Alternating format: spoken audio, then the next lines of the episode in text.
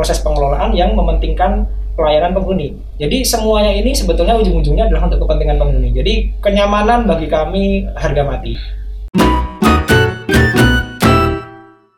Hari ini kita spesial collab sama Propman Show Podcast yang biasanya mungkin teman Mahata atau juga kita udah biasa dengar. Yang selalu memberikan edukasi nih Mas Tatak kasih suaranya dulu dong Mas Tatak. Terima kasih Mas Habibie. iya, karena Bibi kemarin udah sempat denger juga bisa memberikan edukasi kan tentang bagaimana pengelolaan eh, apartemen. Kebetulan juga Mas Tatak ini kan dari BUPM ya. Iya. Boleh tau nggak panjangnya BUPM apa? Business Unit Property Management. Business Unit Property Management. Perumnas tentunya. Perumnas punya Perumnas ya. Mungkin bilangnya nanti kita properti manajemen Perumnas saja ya Mas Tatak Ah, ya. benar. Karena juga kayaknya Propman Show itu udah Ya, Property dari- Management Show. Ini salah satu yang menginspirasi kita nih Mas Tatak. Wah, eh, luar biasa sekali. Kami senang sekali Frogman Show bisa menginspirasi banyak milenial, bisa eh, menginspirasi banyak eh, project Iya. Perumnas untuk juga bisa memberikan pengalaman-pengalaman maupun cerita-cerita yang membangun dan menginspirasi. Iya, se- sebetulnya yang menginspirasi Mahata Margonda, yang lain nggak tahu gitu terinspirasi apa belum. Tapi mudah-mudahan juga terinspirasi ya Mas Semoga, ya. semoga dengan adanya podcastnya Mata Margonya juga akan menginspirasi yang lain. Eh, Kalau dari Mas Tatak sendiri kan tadi udah punya nama tuh Propman Show Podcast gitu. Si uh, Mahata Margonda sendiri sama Sta Mahata Margonda ini belum punya nih Mas Tatak. Mungkin kita bisa tentuin dulu nih Wes. namanya ya. Mahata ya? Margonda. Orang-orang itu udah mengenal kita dengan Mahata Margonda. Oke. Mahata Margonda Podcast. Kalau dia akronimin atau kita singkat, bagus nggak kalau Mama? Mama Podcast, Wes. Mama Pod kali ya. Setuju sekali Pod. nih. Kayaknya Jadi namanya eh, anti mainstream nggak sih di justru nggak mainstream dan Nggak mainstream, dan, dan, dan menarik sekali Mama Pop Mama Pod? Kita ada ibu dari segala podcast. Tepuk tangan dong. Nah, Mas kalau boleh tahu eh, ini dulu deh. Habibi pengen tanya dulu, Mas Ya. Tatak udah berapa episode tuh di kemarin Habibi cuma dengerin satu episode sih. Progman Show saat ini sudah eh, masuk ke episode ke 8 Hmm. episode ke 8 dan eh, kami saat ini juga terus untuk mengembangkan Progman Show sebetulnya Progman Show awal-awalnya eh, hanya sebatas tempat kita untuk ngobrolin satu hal yang sifatnya eh, bisnis artinya kami di property management punya satu meja gitu Hmm. meja itu dinamakan meja inovasi di mana kami di sana eh, selalu ngobrolin hal-hal yang sifatnya dengan inovasi dan hal-hal yang eh, sifatnya dengan create value itu setelah pulang kerja. Biasanya kami pulang kerja ngobrolin hal-hal yang Ada wadah gitu ya. nah eh, memang kami rasa dari obrolan yang ada itu harus kami record. Nah inilah kenapa kemarin muncul Propman Show. Nah yang sudah kami record harus bisa kami sebarluaskan. Karena ilmu mengenai pengelolaan itu sebagai sebuah ilmu yang berharga.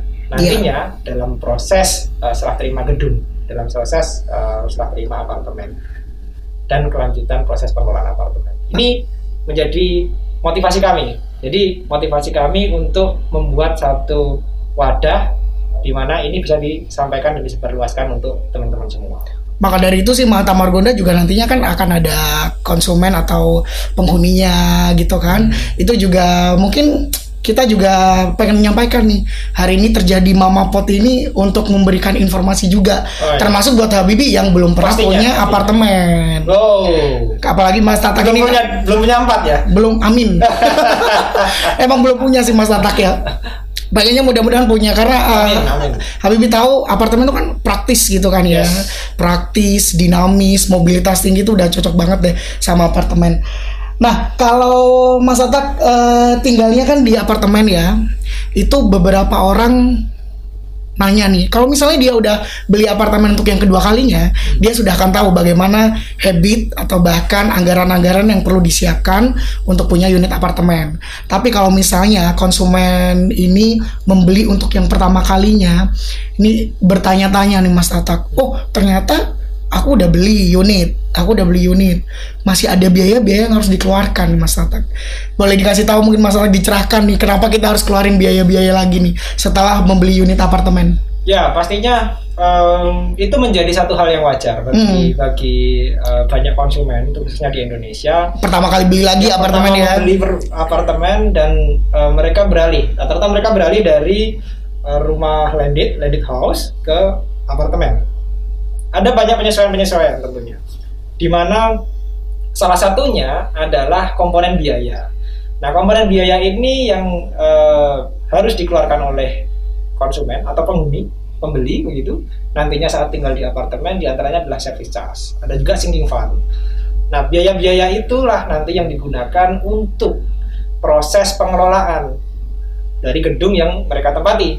Jadi biaya-biaya itu nanti digunakan untuk satu, contoh misalnya kita punya eh, selasar gedung, kemudian punya kolam renang, kemudian punya lobi, kemudian ada taman. Nah, semuanya itu eh, dikelola dengan profesional oleh pengelola atau yang sering disebut dengan building management.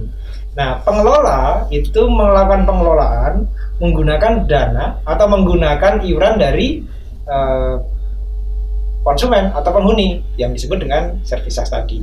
Nah, pengelolaan-pengelolaan itulah nantinya yang dimanfaatkan atau yang diberikan oleh eh, developer untuk bisa konsumen memanfaatkan area-area bersama tadi. Jadi agar konsumen itu bisa nyaman dengan koridor yang bersih, dengan taman-taman yang indah, dengan kolam renang yang lebih bersih, kemudian nyaman digunakan. Jadi harus dikelola tentunya. Hmm. Nah, itulah uh, arah di mana tujuannya sebetulnya memberikan kenyamanan kepada penghuni. Nah, ketika penghuni nanti nyaman, maka mereka akan lebih nyaman untuk beraktivitas selanjutnya dan juga mereka akan lebih nyaman untuk melakukan kegiatan-kegiatan yang ada di lingkungan apartemen. Nah, inilah yang menjadi tujuan dari proses pengelolaan itu berjalan.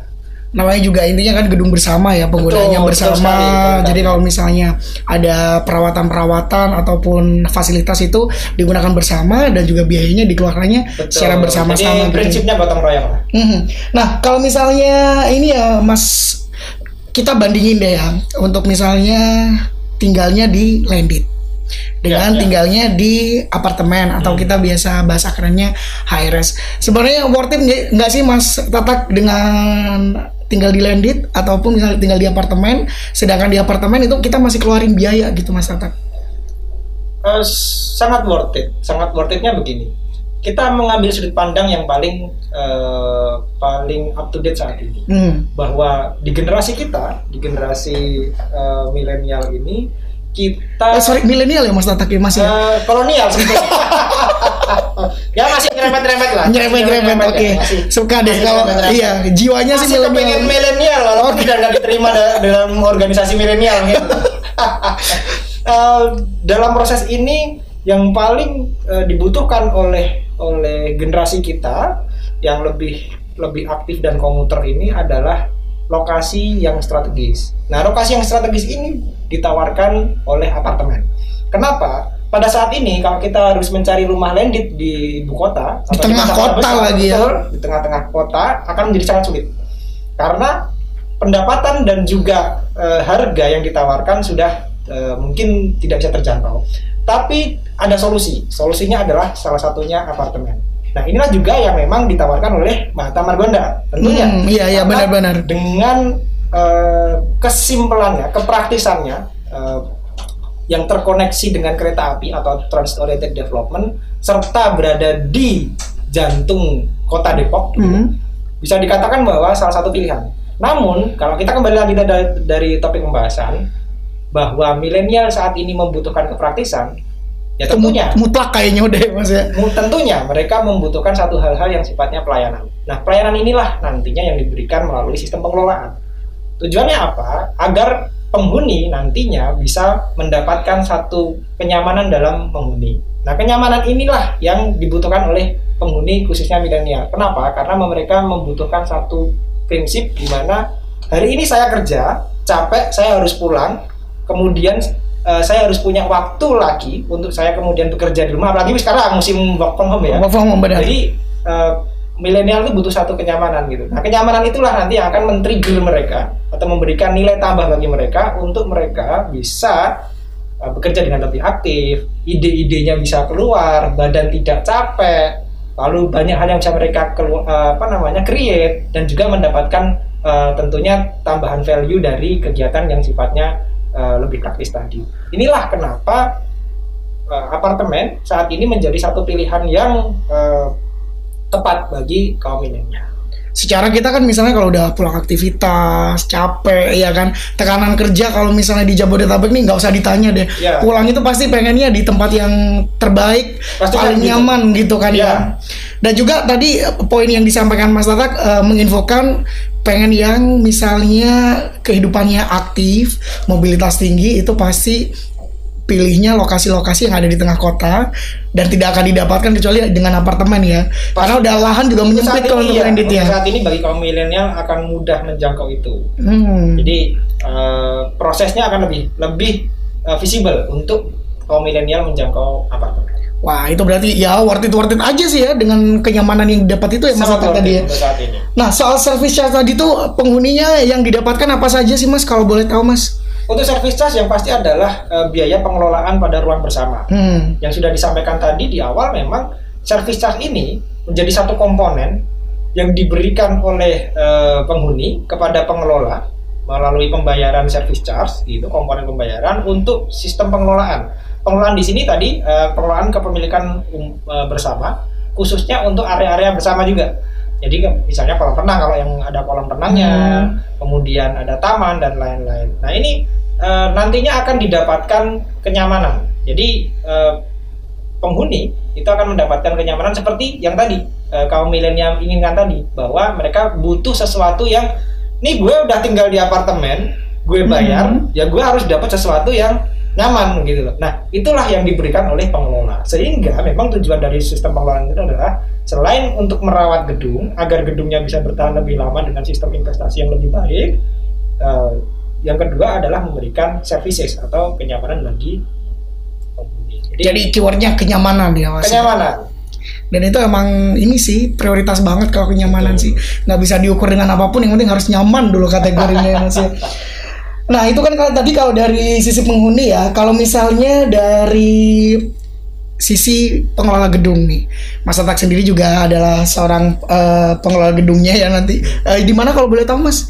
Untuk saat ini kami melakukan pengelolaan gedung di eh, Sentralan Cengkareng, Sentralan di Cengkareng. Banyumas, dan juga eh, Sentralan Sukarame yang juga masih dalam proses pengelolaan tahap awal. Oke. Jadi eh, proses ini sama-sama pada saat ini kita ingin memberikan apa eh, pengelolaan dengan skema pembelajaran yang aktif. Jadi selain kami mengelola, kami juga melakukan sistem educate kepada para penghuni bahwa ini loh pengelolaan itu seperti ini, kemudian manfaatan yang akan diterima oleh eh, penghuni adalah seperti ini. Selanjutnya juga eh, fungsinya nanti seperti ini karena itu nanti juga akan berpengaruh terhadap skema investasi di mana Hmm. dengan pengelolaan yang baik, dengan gedung yang eh, baik juga, penghuni merasa nyaman, maka akan banyak orang ingin tinggal di lokasi tersebut, Apartemen di gedung tersebut, tersebut, ya. di apartemen tersebut, sehingga nilai dan harga jualnya juga akan meningkat. Nah, inilah yang eh, sebetulnya prinsipnya diberikan oleh pengelola untuk memberikan servis terbaik kepada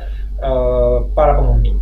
biaya-biaya nanti tadi yang dikeluarin kalau misalnya udah ada service charge kemudian apa service charge aja tuh nanti yang dibayarin ada juga apa Uh, singing fund. singing dua poin itu nanti yang dibayarkan dua poin itu yang dibayarkan eh kalau boleh tahu alokasinya terbesar tuh buat apa biasanya Mas Atak Kalau selama Mas Atak mengelola nih Service charge memang alokasi terbesar digunakan untuk proses-proses yang pertama adalah tadi pengelolaan, Mhm. pengelolaan dalam artian eh, untuk memberikan kenyamanan yaitu tentang kebersihan. Kemudian yang kedua adalah terkait dengan perbaikan-perbaikan minor, begitu perbaikan-perbaikan kecil kalau kami menyebutnya, Eh, dan juga eh, untuk proses eh, pembayaran eh, sumber daya manusia atau tenaga kerja. Nah, dalam proses ini semua, charge adalah darah dari proses pengelolaan. Sehingga perlu dipahami kepada para penghuni begitu untuk menjaga kenyamanan semua pihak dan untuk menjaga nilai investasi dari gedung tersebut maka para penghuni itu eh, diminta untuk memiliki kesadaran yang luar biasa nih.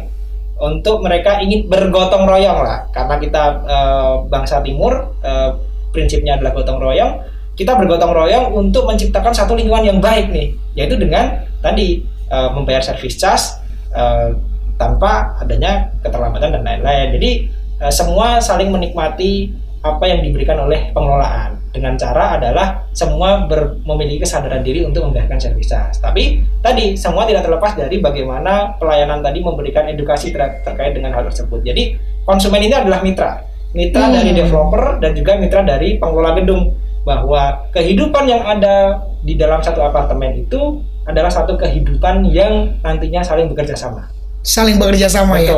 Gotong royong kuncinya Betul, tadi. Kuncinya gotong royong. Udah kayak kabinetnya Bu Mega ya. Tapi emang gotong royong beneran kan masih ya di sana ya Mas ya. Jadi kalau misalnya udah uh, sistem pengelolaannya sendiri, udah di Mas Tatak bilangnya udah mengedukasi juga gitu. Ada kesulitan-kesulitan nggak saat misalnya, apalagi kalau udah beli pertama kan, uh, maksudnya beli pertama kalau udah beli kedua atau ketiga sebelumnya udah punya apartemen, pasti konsumen paham lah ya.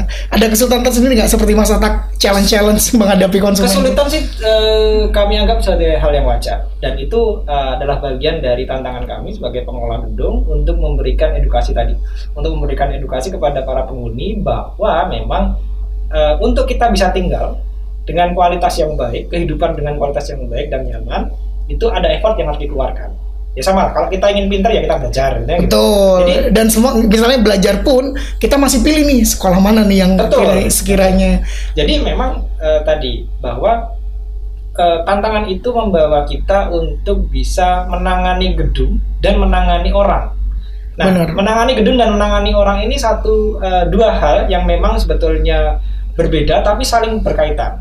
Bahwa para penghuni yang ada di apartemen harus kami berikan pelayanan yang baik. Pelayanan yang baik bukan berarti kami uh, menuruti apa semua yang diinginkan oleh penghuni. Tidak, tidak seperti itu ya Mas. Ya? Tetapi pelayanan yang baik adalah kami memberikan pemahaman kepada penghuni bahwa tinggal di apartemen itu nyaman loh tapi uh, harus membayar ini loh. Kenapa? Agar nanti semuanya bisa merasakan kenyamanan sama dengan yang lain dan kemudian ini bisa berjalan dengan baik. Toh yang untung juga nanti penghuni juga karena hmm. nilai investasinya juga bagus gitu. Benar. Nah ini uh, satu proses di mana kami sangat uh, menjiwai proses ini. Artinya menjiwai proses ini adalah kami menikmati segala proses ini untuk bisa bersama-sama dengan konsumen kami berjalan uh, dalam sistem pengelolaan itu saling uh, mendukung. Jadi pengelola memberikan pelayanan yang baik, kemudian penghuni juga nanti uh, tadi apa namanya memberikan uh, kewajibannya yaitu dengan membayar service charge dan itu saling terintegrasi.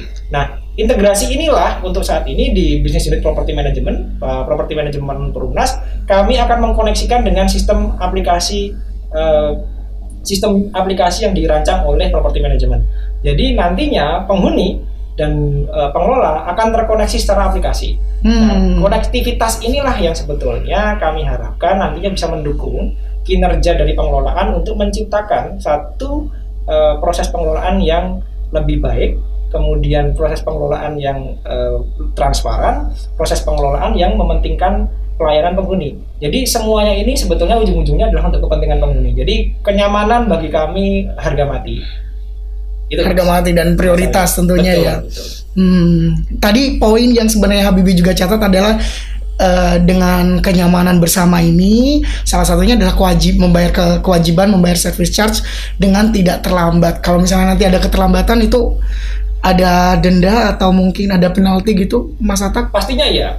Uh, sebetulnya prinsip denda atau penalti itu adalah uh, hal yang tidak kami inginkan. Sebetulnya. Ya pastilah ya. Betul. Karena pengen kenyamanan bersama, Betul. jadi ya, bayarnya juga bersama-sama tepat waktu gitu kan. Cuman memang ini adalah trigger bagi para penghuni agar mereka membayar tepat waktu. Kenapa? Ya. Karena harus disadari bersama bahwa pembayaran tepat waktu itu akan membuat sistem konektivitas pekerjaan berjalan dengan lancar. Jadi e, ibarat ini adalah sebuah e, air gitu, kanal-kanal air, maka dengan lancarnya pembayaran, maka kanal-kanal air juga akan lancar sehingga nantinya proses pengelolaan itu berjalan dengan baik juga. Nah, ketika proses pengelolaan berjalan dengan baik, maka diharapkan ya tadi kembali lagi kenyamanan akan uh, tumbuh di situ. Wah ternyata ya kalau misalnya kita memang mau tinggal di apartemen, kepraktisan itu udah keniscayaan Ya. dengan service charge dan juga sinking fund yang harus kita bayar tepat waktu. Mungkin kita bisa ulang Mas Atak tadi apa aja Mas Atak eh, poinnya Eh, biaya-biaya yang harus dikeluarkan service Ya, charge. Yang pertama service charge, yang kedua ada uh, Sinking fund. Ya, sinking fund biasanya uh, rata-rata ya 10% dari dari Dua poin itu Iya. ya, 10% dari service charge. dari service charge. Iya. Jadi kalau misal misalnya service charge-nya sebesar yang kita harus bayar 500 ribu, berarti 10% dari 500 ribu itu Iya. biayanya adalah sinking fund. Betul, perhitungannya adalah uh, service charge nanti pengalinya per met, apa namanya per meter persegi. Artinya uh, gedung tersebut atau unit yang dibeli itu Hmm. berapa meter persegi dikalikan aja per meternya berapa. Nah, perhitungan grossnya seperti itu. Itu nanti uh, menjadi satu satu kewajiban bagi penghuni untuk tadi uh, membayarkan kewajiban mereka dalam bentuk charge itu dalam rangka proses pelayanan. Kalau misalnya ada kerusakan nih, tadi katanya kan intinya memberikan yang namanya kenyamanan dan Ya. juga kenyamanan bersama lah intinya. Kalau misalnya Habibie udah tinggal di apartemen, Ya. Tiba-tiba AC-nya netes, bocor, atau Ya. mungkin kerannya bocor, itu maksudnya ke perbaikan mana tuh masih yang ringan atau berat atau yang Kalau untuk eh, AC milik pribadi Hmm. itu perbaikan yang dilakukan oleh pribadi karena sudah dalam koridor eh, pribadi. Tetapi memang eh, kalau perbaikan kecil atau perbaikan yang dilakukan oleh eh, pengelola itu Hmm. apabila ada kerusakan-kerusakan di dalam koridor-koridor kepemilikan bersama. contohnya? Jadi contoh misalnya eh, liftnya mati, kemudian apa eh, selasar ada yang bocor, kemudian eh, kebersihan apa perbaikan kolam renang dan lain-lain itu eh, dibiayai eh, menggunakan uang tadi. Biaya pengelolaan tadi ya. Perbaikan-perbaikan yang sifatnya kecil. Tapi kalau perbaikan-perbaikan besar, kalau di kami menyebutnya misalnya perbaikan pompa, kemudian perbaikan eh, sistem instalasi yang besar. Nah ini biasanya dibiayai memang menggunakan eh, sinking fund. Oh, Habibie baru tahu. Jadi kalau misalnya barang-barangnya pribadi ya AC itu AC, punya TV, aku ya. kulkas, ya, iya. Iya, iya, Nanti iya, iya. lama-lama minta dibeliin AC, dibeliin ya. Iya, jadi itu mencerahkan sih Habibie juga soalnya belum tahu kan. Oh, jadi eh, semuanya itu adalah yang bersifatnya sifatnya kepemilikan bersama ya Betul, Mas Atak ya. Itu juga mencerahkan sekali tentunya untuk eh, kita semua terutama nanti konsumen sama Mata Margonda Ya. kalau sudah mau menghuni ya. Pastinya eh, nantinya tim sales eh, bersama-sama dengan project mengedukasi konsumen dan nantinya juga tim pengelola akan mengedukasi konsumen terkait dengan pelaksanaan kegiatan di apartemen.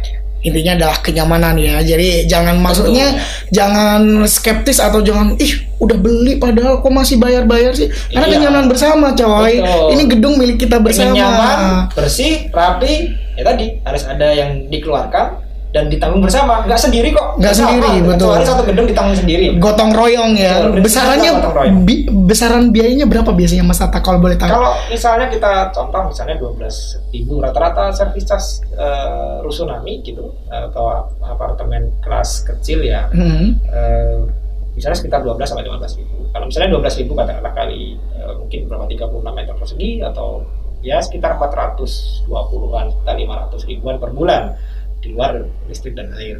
Nah eh, kalau listrik air kan penggunaan penggunaan secara pribadi masing-masing penghuni.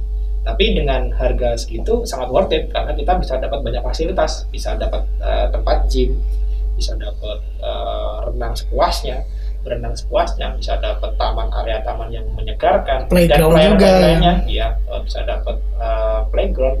Itu semua menjadi fasilitas yang bisa dinikmati oleh penghuni apartemen gitu. Dan eh, tentunya dengan penghuni apartemen yang semakin hari ini semakin banyak mereka juga punya keinginan bahwa pelayanan juga semakin eh, baik. Karena kan dengan jumlah penghuni yang semakin banyak kemudian dengan jumlah keluarga yang semakin banyak itu kan eh, banyak hal yang memang eh, nantinya harus disiapkan. Contoh misalnya sampah kan menjadi semakin banyak. Betul. kemudian eh, area-area juga semakin eh, apa namanya banyak digunakan. Mungkin bisa cepat rusak dan lain-lain. Kursi taman cepat rusak dan lain-lain. Tapi itu semua harus selalu di maintain bahwa proses pengelolaan ini adalah kuncinya pada proses maintain proses untuk perawatan.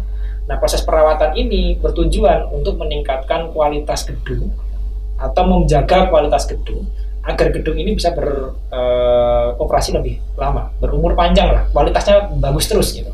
Nah, itu nantinya juga akan memberikan uh, kepercayaan kepada uh, penghuni maupun pembeli ataupun investor yang akan berinvestasi di lokasi tersebut. Jadi memang uh, proses pengelolaan sebagai after sales ini menjadi proses yang uh, wajib di dalam gedung apartemen. Karena kita harus bisa tadi menjaga kenyamanan dan menjaga nilai investasi. Dan itu penting. Dan tentunya uh, Mahata Margonda nantinya akan menyediakan itu. Iya, betul betul. Konsumen Mahata Margonda. Jadi after salesnya kalau udah dihandle langsung sama Mas Atak mantap sekali ya. Oh, pastinya. Oke, okay. makasih loh Mas Atak. Itu pencerahan banget untuk Habibi dan juga untuk kita semua yang dengar nanti podcastnya ya. Terima kasih banyak. Jadi sebelum mungkin Habibi juga mau ingetin lagi infoin sedikit gitu. Kalau mau dengerin Propman Show Propman podcast Show. ya. Podcast. Betul. Tentunya setelah dengerin Mama, Mama podcast ini dulu ya. Yes. Makasih banget Mas Atak atas kehadirannya ya. Semoga kita juga bisa ketemu lagi di lain kesempatan. Oh iya Habibie juga mau ini Mas Atak kalau misalnya ada yang lagi nonton tanya nih kan boleh tulis di kolom komentar nanti ya apa pun pertanyaannya. Nanti Habibie akan wa kan sama Mas Tatak ya. Makasih Mas Tatak sukses terus ya. Mas Thank you. Thank you Mas Tatak. Oke. okay.